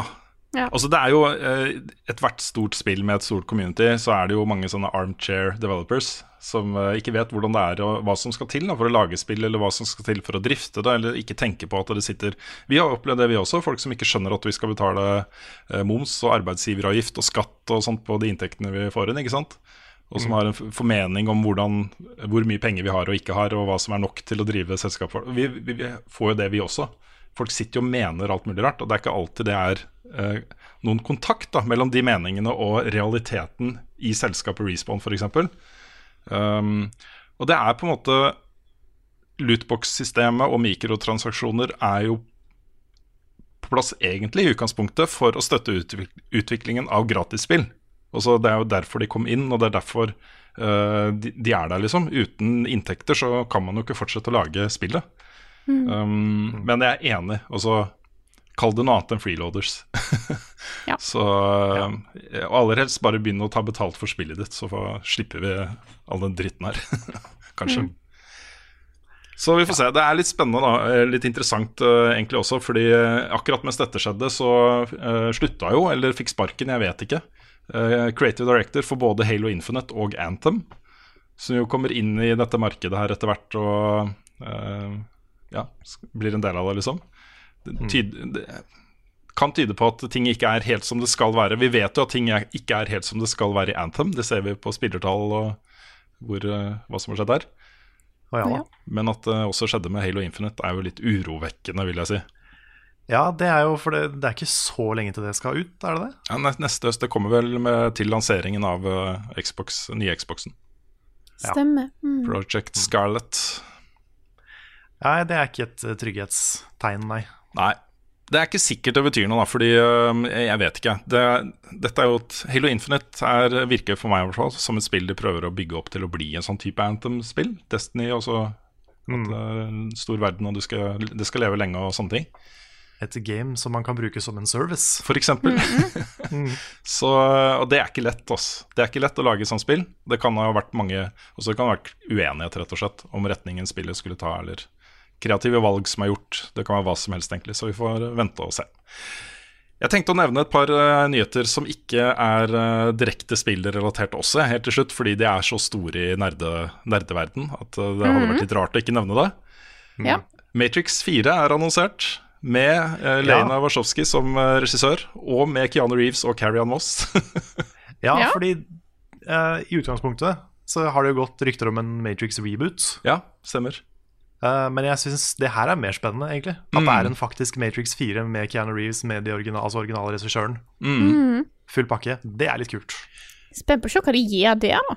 Jeg håper jo da at uh, Nio og, og um, Hva heter hun til Karen Moss? Uh, Trinity. Trinity. At de er biroller i denne historien her. Det hadde vært mye kulere, tror jeg. At de prøver å bygge opp en ny, ny greie, liksom. Ja, sånn, ja. Mm. Men kanskje det, kanskje det er en literal reboot? Altså at det er en reboot av The Matrix? Ja, kanskje. Fordi Det ligger noen muligheter Ja. der. Ja, for det, altså, jeg skal ikke spoile hvordan Matrix 3 slutta, men det er jo Du kan jo gjøre veldig mye etter den slutten. Du kan det, uten tvil. Og når alt er kode, så kan man jo gjøre hva som helst, faktisk. Mm. Så så ja, vet du hva, dette er en sånn film som jeg tror kommer til å bli ikke så bra. I hvert fall ikke like bra som Matrix 1. Men Jesus Christ, som jeg gleder meg til å gå på kino på Imax på Odeon og se den filmen, altså, når den kommer. Ja. ja min, min prediction er at den blir bedre enn to og tre, Ja, men at den ikke blir bedre enn én. nei Vi får se. Jeg, jeg skal på Cinemateket eh, i starten av september og se Matrix 1 igjen. Med innledning av uh, god kompis av meg, Martin Sivertsen, som uh, jobba i IT-avisen før. Og han var liksom spillduden i IT-avisen. Og i en lang periode så hadde vi sånne lange Matrix-samtaler. Og han har jo gått skikkelig i dybden på uh, filosofien og, og sånt bak særlig da Matrix 2 og 3, men også Matrix 1. Uh, og også vært involvert i det på uh, montasj.no, den uh, filmsiden. Så det blir veldig interessant. Det gleder jeg meg til. Og Den andre store nyheten er jo eh, den krangelen som nå pågår mellom Sony og Marvel og Disney om Spiderman. Der har jo eh, Det er liksom motstridende rapporter eh, her. Fordi først så kom det ut at, at eh, eh, Sony mister Spiderman, var det ikke sånn? Og så Nei, omvendt. At Marvel MCU mister Spiderman. Ja, nettopp. Marvel MCU uh, mister Spiderman, uh, og at eventuelt Disney gjør noe med den på egen hånd uh, etter hvert. Um, men nå er det liksom også folk som sier at Vet du hva, siste ord er ikke sagt i den saken her. Det kan hende at de kanskje kommer til enighet. At eh, ja, det kan være en slags forhandlingstaktikk, da. Men uh, hva hadde, det hadde blitt fjerde gangen i nyere tid som eh, Spiderman som filmgreie rebootes, med ny skuespiller og Ja. Ja, det, Wow. det jeg har hørt, er at uh, hvis da dette her skjer, hvis det blir en sånn full skilsmisse mellom Disney, MCU og Sony, så vil uh, Tom Holland fortsette å være Spiderman, men de framtidige filmene kan ikke ha noen Marvel-referanser i seg. Ja. altså det universet. Ja, ok. Oi. Men da mister de jo ganske mye. Ja, de mister Ja. ganske mye. Fordi den, den nye Spiderman-historien er jo veldig knytta til de andre. Mm. Ja. Så Ja, det det er jo ikke bra, det heller. Nei. Nei. Men jeg må jo innrømme da at Tom Holland er min favoritt-Spiderman. Har blitt det. Ja. Ja, jeg han er veldig bra. Enig. Så, Veldig, veldig bra. Ja. Men jeg ser jo, det er jo folk som er veldig sånn fuck Sony, og så er det noen som sier nei, fuck Disney. Ja, ja, ja. Og jeg har ikke satt meg nok inn i saken til å liksom vite hvem som er holdt på å si fuck mest. Men um, det, det, virker som en sånn der eh, komplisert, teit business-kontraktgreie som det liksom begge prøver å få noe ut av det. Eh, aner ikke helt hvem som er verst, liksom. Ja. Nei. Men eh, ja, det er litt blanda følelser, merker jeg. Mm. Ja, det er det. jeg, jeg, jeg, har liksom ikke, jeg vet ikke hvor mye jeg vil heie på liksom Disney heller. Få mer og mer monopol på markedet. og Det er jo dritskummelt, det òg. ja. Så dere den Twitter-tråden hvor de introduserte liksom nye twitter Ja, det var ekkelt. Ja, det var ekkelt. Hva for noe? Nei, De annonserte da at nå har Disney Pluss fått sin egen Twitter-handle, og i da den tråden så kom da alle de andre Disney-brandene inn med liksom on-brand kommentarer. Med sånn eh, Veldig, veldig veldig regissert og planlagt og PR-opplegg, liksom. Um, det var litt sånn derre Jeg har ikke lyst til å si det ordet, skal prøve å finne et annet ord. det ble litt uh, uh, mye. Det ble litt Ja. mye. Det var liksom sånn Her kommer vi! Dur, dur, dur. Du kunne se liksom støvlene marsjere og, Ja. og sånt. Ja, ja det, var, det var rett og slett litt ubehagelig. Ja, det var Litt faktisk det også. se. Først så var det sånn gif av Genie, var det ikke det? Som pakker alle tinga sine og skal liksom Nå skal vi flytte til Disney Pluss. Ja, Og så kommer Marvel, og så kommer Star Wars, og så kommer liksom det ene og det andre. Yep. Og bare ja, alt, alt er Disney nå. alt er Disney. Ja.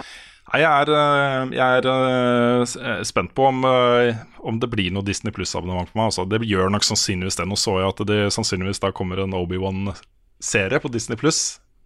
Med uh, han skuespilleren også. Ewan McGregor.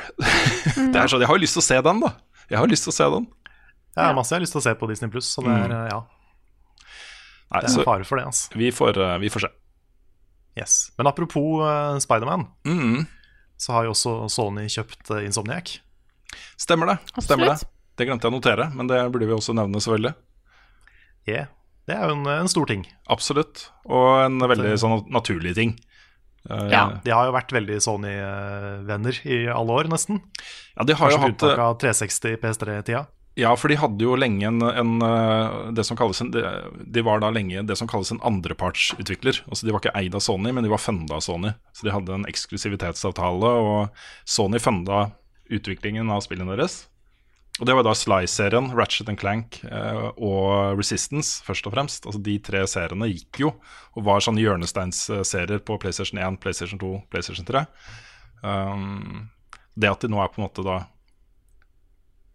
blir et heleid Sony-greie, er ganske naturlig, føler jeg. Og særlig nå som Microsoft har beefa opp og kjøpt eh, flere studier og lagd sitt eget studio og sånne ting, så eh, ser vi liksom opp, oppstarten, tror jeg, til en ny sånn derre Hvem har best eksklusive spill-krig? Ja. Det er sånn arms race. Ikke sant? Det er litt, ja, det er litt spennende òg. Mm. Selv om det er ikke super brukervennlig med masse eksklusive spill, så er det liksom, man får i hvert fall bra spill av det. Ja, Så får vi se, da. Kanskje det blir sånn at uh, du kan bare drite i PlayStation 5 og nye Xboxen og kjøpe deg en PC isteden. Kanskje. Kommer Ruen sin standup på DVD, eller? Skal jeg selge et guttenavn? Hva er det du kaller sitt? Hvilket språk snakker Frida egentlig?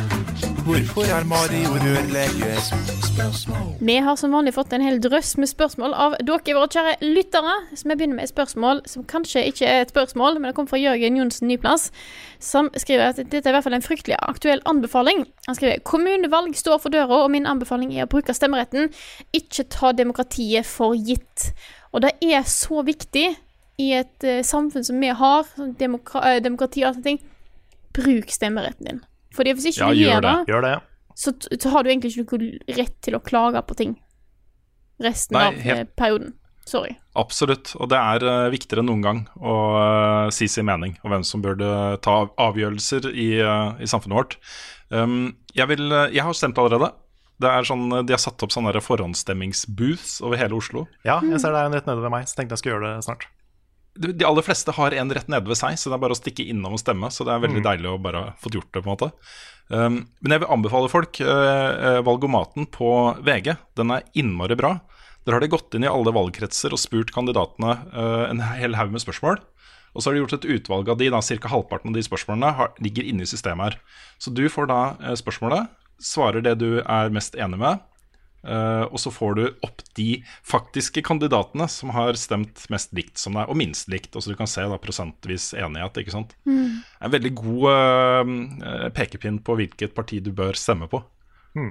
Så, og også med mye lokale saker, da, som gjelder for det stedet du bor på. Og hvis du, er, Så- hvis du er en av de som er helt uenig og mener at nei, jeg syns ikke noe av dette her er godt nok, så ikke dropp å stemme. Gå og stem blankt i så fall. Mm. Stem. Det er det som er viktig. Altså min, eh, eh, min framgangsmåte da, når jeg velger parti, det er ikke egentlig hvem er jeg mest enig med overall, altså uh, flest issues. Det, jeg har liksom et par issues som er mye viktigere for meg enn alt annet, og så stemmer jeg egentlig bare basert på det. Mm. Det er eh, eh, Ja, det føles mer riktig. For det er utrolig mange ting i det samfunnet vårt som går videre nesten uansett hvem som sitter og styrer. Mm. Eh, men det er et par ting som jeg er ekstra opptatt av, og da vil jeg helst liksom ha de riktige folka til å sitte og ta avgjørelser innenfor de issuene. da. Ja.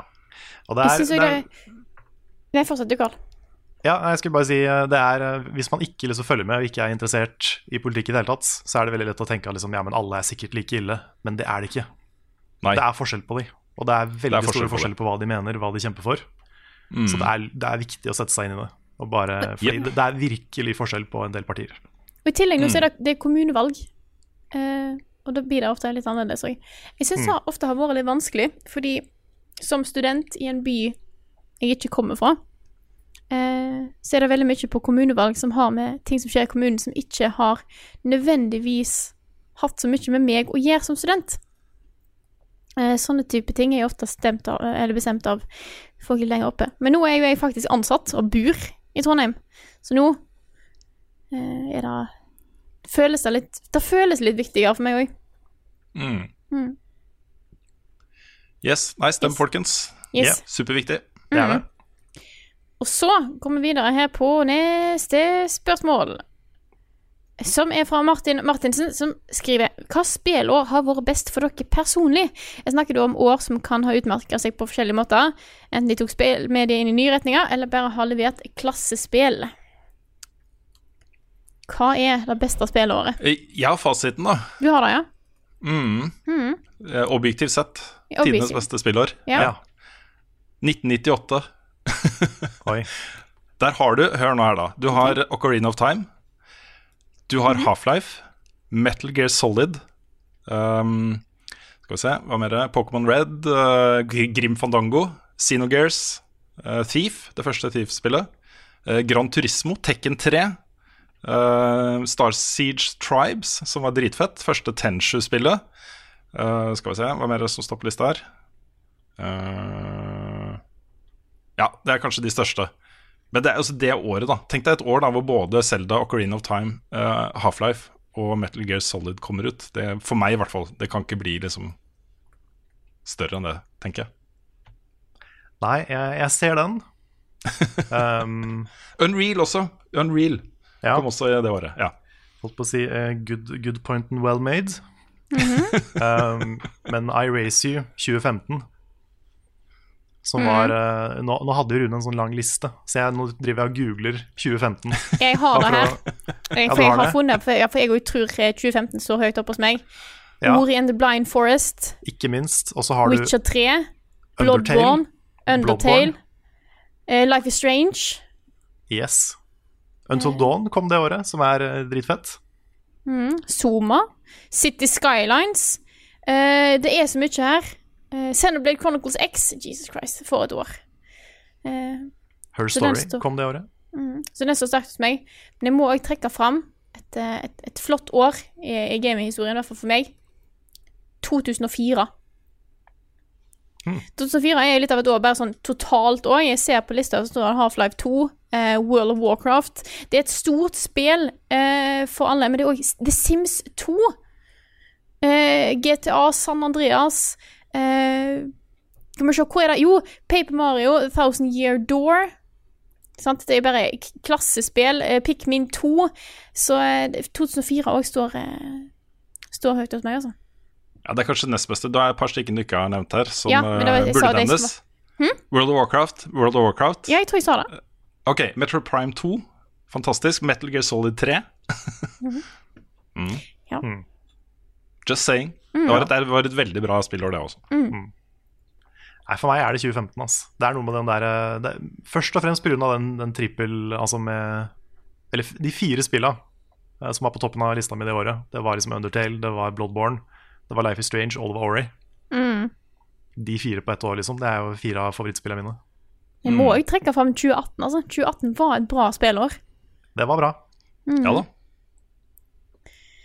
Litt for ferskt. Jeg klarer ikke å sette Ja, det det er opp akkurat mot da. Det er derfor jeg ikke ville ta liksom. Jeg vil ikke ta det, for det er, for, det er vanskelig å sette det i perspektiv ennå. Ja. Så Jeg syns 2015 er for ferskt også, jeg, er sånn på sånn liste. Men jeg skjønner hva du mener, Karl. Ja.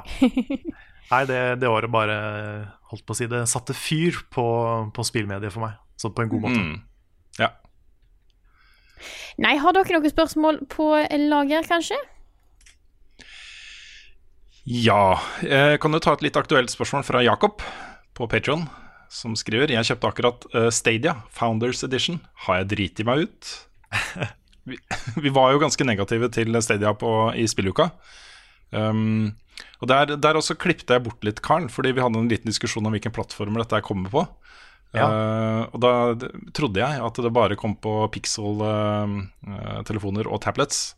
Men på tablets så trenger du bare Google Chrome, og det kan du jo laste ned for alle, liksom. Ja, det er sant. Men på smarttelefonen altså må du ha Pixel inntil videre. Det kommer jo til å komme helt sikkert muligheter til å, å spille Stadia-spill uh, via uh, IOS og Android etter hvert også. Så jeg vil, ikke- jeg vil ikke bruke det imot dem som en stor negativ ting. Eh, dette er liksom Ja. Jeg vil ikke si at Jakob nødvendigvis har drevet seg ut.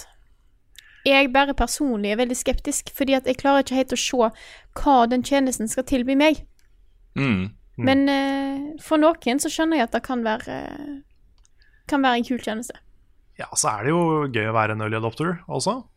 Hvis det er, mm. hvis det er fett, så er du en av de første som prøver det, liksom. Mm. Da kan du skryte om det. Yeah. Jeg husker hvor fornøyd jeg var det- da året jeg kom på skolen og hadde fått uh, Nintendo Wii til jul. Det var jo da Ja. eh, måte, var så få ting som hadde kommet. Da kom jo den høsten. Faren min hadde stått i kø ut forbi Elkjøp for å få tak i dette her, og ingen visste hva det var for noe. Nei. Og det var liksom ingen som tok, var med på den hypen der. Det syns jeg var litt trist. Så jeg er med på det early adapter-greiene. Det er litt kjekt å være med fra start. Det er det. Da tror jeg vi fikk Wii samtidig, eh, Frida. Fordi eh, faren min fant den Jeg er sikker på den eneste Wii-en som var igjen i hele Danmark Når han var på tur i Danmark. Den fikk jeg. Mm. Det Eller, si, bilder jeg, jeg kjøpte den, men det var han som skaffa den. Mm. Det fins bilder av meg som griner på julaften og henger over den boksen. Å, herlig. Yes. Det, det, det er du som er den der Nintendo 64-kid, Ja. bare med Wii. Ja. Mm. Ja. Det Ja, var en altså, avsporing. Stadia kan bli bra, det, altså. Um, så lenge uh, streaminga funker som den skal og, og sånne ting. Og så har du et, etter hvert ganske stort bibliotek med spill. Og det som jeg vil si er liksom hovedmålgruppen her, i og med at du faktisk må kjøpe spillene i tillegg, det er jo de som ikke har en spillmaskin. Eller i hvert fall ikke har en PC. ikke sant? Um, hvis du har ingen konsoller, en dårlig PC, så er jo Google Stadia et uh, bra, en bra inngangsport da, til Ja. mange veldig kule spilleopplevelser. Jeg tror det er lett å glemme ut for de som sitter eh, det, la, la oss kalle de den harde kjernen, som er et fantastisk fint uttrykk, eh, som sitter der og har en del konsoller. De har en god gaming-PC, og da kan jeg skjønne at på en måte, da er det litt vanskeligere å se det. Men hvis du sitter der og på en måte kanskje ikke har skaffa deg et beist av en PC, for at det er dyrt, så er det lettere å komme inn med Google Stadia. Mm. Mm. Så uh, jeg, jeg tror jo på en måte teknologien i seg selv har en, har en fremtid. Og nå kommer jo Microsoft sin streamingtjeneste etter hvert. uh, PlayStation har sin. Det er liksom ting der som skjer. Men jeg, jeg uh, er enig med deg i det du har sagt tidligere, Carl. At uh, de tjenestene her blir ikke ordentlig interessante før du kan abonnere à la Spotify. Og Ja. spille Nei, hva sant. du vil. Nei, det er det, fordi jeg ser for meg at dette kan- kan være en sånn inngangsbillett for noen. da At de kanskje Mm. tester Stadia for å prøve noen spill eh, før de kjøper seg en konsoll eller en PC. Mm, Men da har de jo fortsatt bare kjøpt de spilla på Stadia. mm. Og det er kanskje Jeg vet ikke hvor kult det er å ha et svært Stadia-bibliotek, liksom. Hvis du, hvis du vurderer å kjøpe deg en maskin. Nei. Nei, det er for så vidt sant, det også. Så jeg vet ikke. Kanskje liksom det, det øyeblikket du går over til å kjøpe deg noe større, så mister Stadia på en måte bruker Holdt på å si eh, Hva, hva er ordet jeg ser etter? Da, bruksområdet sitt. Mm. Ja, du kan jo eh, også Hvis du skaffer deg en dritbra PC, så kan du jo spille Stadia-spill på den PC-en også. Ja da. Og da får du jo, da får du jo noen fordeler som, eh, som er kanskje hakket mer interessante. Og det er jo at du kan sette spillet på pause på PC, ta det opp igjen på mobiltelefonen din, og så stikke på dass i en time. Eller eh, eh, dra på ferie, eller hva som helst, liksom. Eh, Og alltid ha spillene dine tilgjengelig. Så det er noen sanne ting der som, eh, som vil komme inn etter hvert. Eh, nå er på en måte den Founders Edition som kommer i, i november, er en betatest. Altså det er en test, de tester ut ting.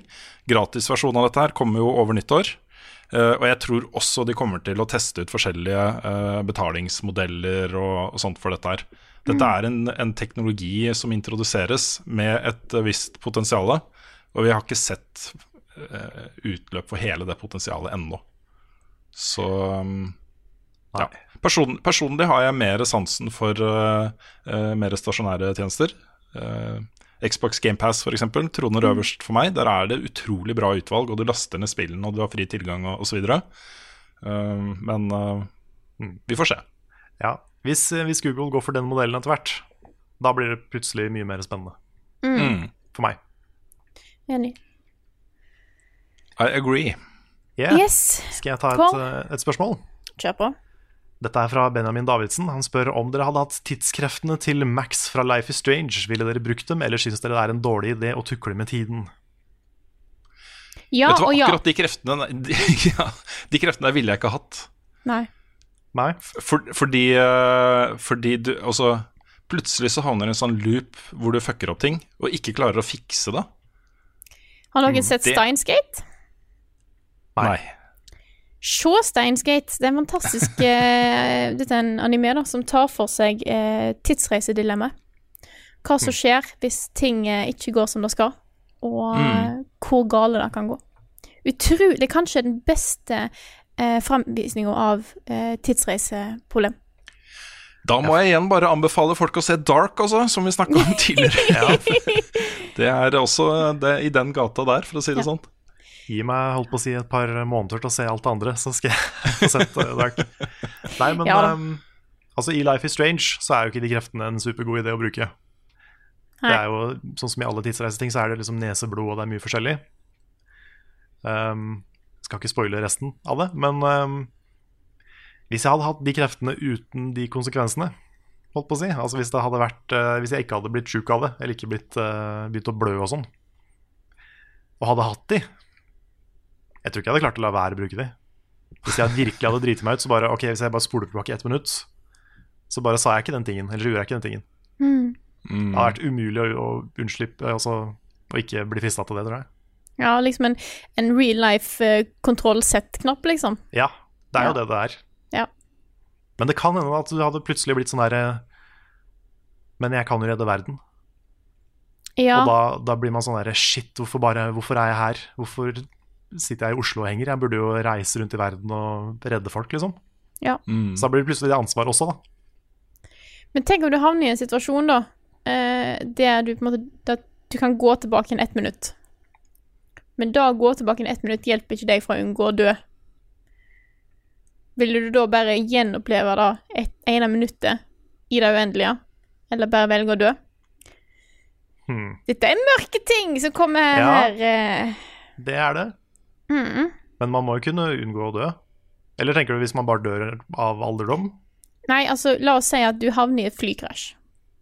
Ja, sånn, ja. Men da spoler du tilbake til før flyet. Nei, men hvor lenge kan du spole tilbake igjen, er spørsmålet. Ja, sånn, ja. ja men eh, Ja. Hvis, vi er, hvis det er Max Powers Du kan spole Ja. ganske langt. Ja, det er sant. Ja. Nei, da hadde jeg ikke tatt fly.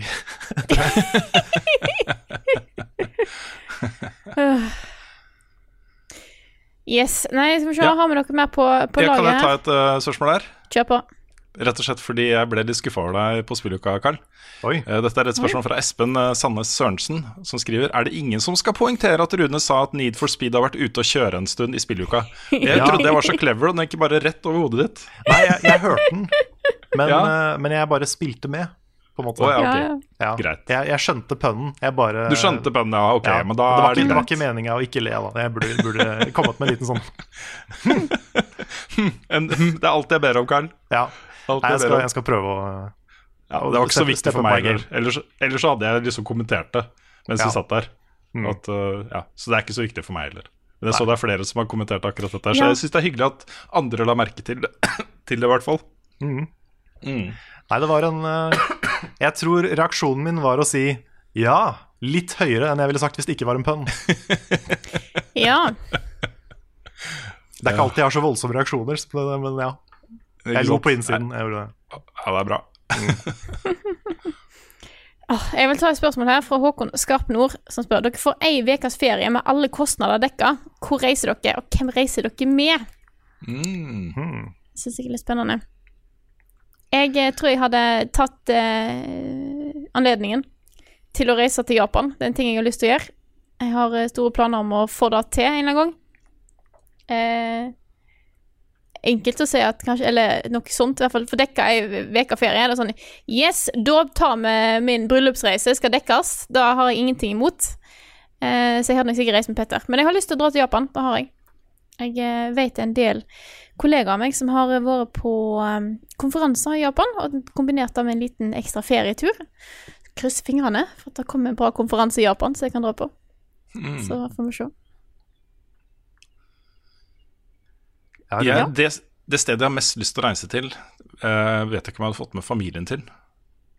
Men jeg må liksom si familien, altså kone og barn. Mm. Eh, men det stedet jeg har mest lyst til å reise til, er internasjonale romstasjonen. Oi! Det er liksom Tenk deg, da. Henge oppi der en uke og eh, bare nistirre på eh, planeten vår.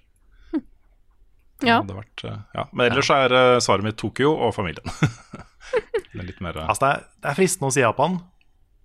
Eh, så det er enten det, eller så hadde jeg tatt anledninga til å Noe vi har prata litt om. En skikkelig sånn no scope reunion-tur til uh, feriestedet til Anders igjen. Ja, det hadde vært gøy. Hvor vi ikke uh, filmer, vi bare slapper av. det hadde vært deilig. Mm. For det var, liksom, det var et dritfint sted, men jeg rakk liksom ikke å nyte det. Nei. Så det mm, hadde vært nice. Mm. Yes, jeg har et spørsmål her fra Vegard Orlando. Ja. Um, og det er spørsmål til alle, men antar Rune er den det er mest aktuelt for. Hva tenker du om det nye som skjer i Destiny-verdenen? New Light, Free to Play, Cross-Save og alt, eh, at alt og alle blir buffet opp til 750. Um, spør han også noen sjanse for at Radio Cosmodrome eller Radio EDZ dukker opp igjen. Uh, til det siste vil jeg si lite trolig. Det, tar litt for mye tid. Det Kanskje. Det er liksom dumt å starte opp noe, og så slutter man å spille Destiny i en periode, og så må man fortsatt lage det, og så mister man litt piffen, og så Ja. Så eh, vi får se. Men uh, det er en veldig stor endring som skjer der nå, og jeg, jeg syns det er kjempespennende. Jeg gleder meg til å kunne si til folk så altså Bare test det. Bli med og kjør noen eh, strikes og spill litt PVP med meg. Og, og sånt. Det er gratis. Det koster ingenting. Det er bare å laste ned og gjøre det, liksom. Og så konvertere noen av det til fast raid-lag, ikke sant. ja. Bare ta igjen, du trenger ikke å puste inn eller noe. Nettopp. nettopp Nei, jeg, jeg gleder meg veldig Jeg gleder meg veldig til, uh, til det som skjer der. Og jeg, det er på en måte første skritt inn i en fremtid som jeg syns er veldig interessant. Da, hvor det er uh, mer rollespill, uh, mer customization, uh, større frihet i valg av characters. Sanne ting, liksom. Det er uh, en spennende ny retning for spillet. Da. Så um, Så det får vi se. Jeg, jeg tror det blir bra. Og jeg har jo, Måten jeg har spilt Destiny på de siste ja, blir jo halvannet året cirka, eller to årene, er at jeg har spilt det nye innholdet til jeg er lei, og så har jeg tatt en pause. Og så har jeg spilt det nye innholdet til jeg er lei, og så tatt en pause. Så nå er det sånn jeg spiller litt innhold. Det er sånn kosespill. Det er uh, gjør sånn pusle med sånne småting, og så Ja. Mm. Så det er den nye raiden og sånn som er viktigst. Så um, jeg tror det blir uh, gøy. Jeg tror det er en tone der nå som uh, er veldig sånn inkluderende og velkommende for, uh, for folk. Det er en veldig bra ting. Så jeg ønsker alle velkomne. Og hvis noen trenger litt skjerpa på alle disse vanskelige tingene i dette spillet, så stiller jeg opp hvis jeg kan. jeg vil også plugge da LVUP Kartell Discorden. Masse hyggelige folk. Alltid noe som skjer. Masse kanaler for fireteams og sånne ting. Eh, alltid noen som spør om hjelp eller tilbyr seg hjelp osv. Det er veldig ålreit, altså. Så yes. Der har vi to eller tre helt fulle klaner nå i Destiny. Nice. Mm. Yes, jeg, jeg har, jeg har ikke noe svar på det, siden spørsmålet gikk til alle, men jeg kan eh, Ditto. Ja, det, det Rune sa. Ja. Ja, får jeg med deg, Karen? Blir du med på litt eh, Destiny? Ja, kanskje. Ja. Hvis Det kommer litt an på hvor mye tid jeg har. Mhm. Men eh, det, er, altså, det er fristende. Jeg, jeg spilte jo masse Destiny 1 og Destiny mm. 2 fram til raidet, vel, tror jeg. Jeg Nettopp. var med, var med på det raidet et par ganger. Ja. Men det er forrige gang jeg spilte, så det er jo noen år siden nå. Eller mm. ett-to år, kanskje. To, to år. Ja. Nei, det er, det, er ikke, det er ikke helt uaktuelt, men jeg må se Nei. Det kommer litt an på eh, tid. Ja. ja. Hvis ikke dere har noen flere spørsmål på lur, så tror jeg vi tar og runder av. Skal vi ta og plugge litt til, eller har vi plugga nok for i dag? Nei, Vi kan bare nevne igjen da Tiltcast 2.0 på Tilt i Oslo. Eh, søndag 6. oktober. Eh, dørene døren åpner klokka ett. Vi er på scenen klokka to. Og så følger da eh, alle de andre fantastiske spillpodkastene som vi hører på hver eneste uke etterpå. Det blir helaften med norske spillpodkaster. Det, det. Det blir så mye spillpodkast at du har ikke sett så mye før. Ah, det blir helt ekstremt hvor mye spillpodkaster blir, faktisk. Mm. Jeg prøver å finne ut når i alle dager jeg skal spise mat i mellom, mellomtida, for det er jo bare sammenhengende bra underholdning. Mm. Det blir sånn som den der, den der wrestling-giffen med han som reagerer på han muskelmannen. At det er liksom bare det er én podkast, og så er det en podkast til, og han bare åh, Ja, ja, shit, ja, Ja, det?» men i revers, da. I revers, for vi er først. Ikke Ja, det. sant. Ja, så han detter først. Ja. Ja. Dette bakover av excitement. Ja. Det er Men da har jeg lyst til å runde av her med å takke alle våre fantastiske patrons som støtter oss og gjør dette her mulig for oss å holde på med. Så tusen takk til alle dere. Ja, det er eh, fortsatt livsviktig at dere gjør det. Vi, er, eh, vi har ikke fett med penger, for å si det sånn. Nei, Nei. you're det best. Yes. Absolutt. Og med det så vil jeg si tusen takk for oss. Takk for at du hørte på denne episoden her og Level Backup. Og så snakkes vi igjen neste uke.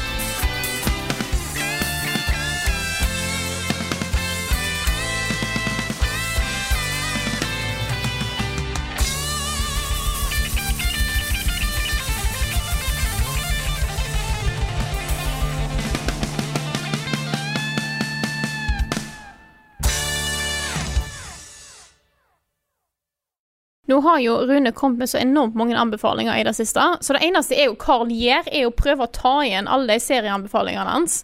Så vi Ja, har vi ikke er sett på hva vi spilte i det siste, da. Det er jo en annen spalte. Fader, er vi da? Jeg har begynt å lure på om altså, ok, Har Frida, husk, har Frida glemt det, eller er det Kommer det en overgang her til uh, hva har du spilt i det siste, eller? Jeg, så skjønte jeg at det gjorde ikke Nei, det gjør det ikke. Jeg vet ikke om du har lyst til å klippe dette her, eller om vi bare fortsetter. Jo da, vi klipper. Vi klipper. Yes. Eh, men jeg Ok, kanskje legger den etter, uh, Jeg- ja. etter, etter rulle- Etter rulleteksten er fint. Ja. Har du et enkeltpersonforetak eller en liten bedrift? Da er du sikkert lei av å høre meg snakke om hvor enkelt det er med kvitteringer og bilag i fiken, så vi eh, gir oss her, vi. Fordi vi liker enkelt. Fiken superenkelt regnskap.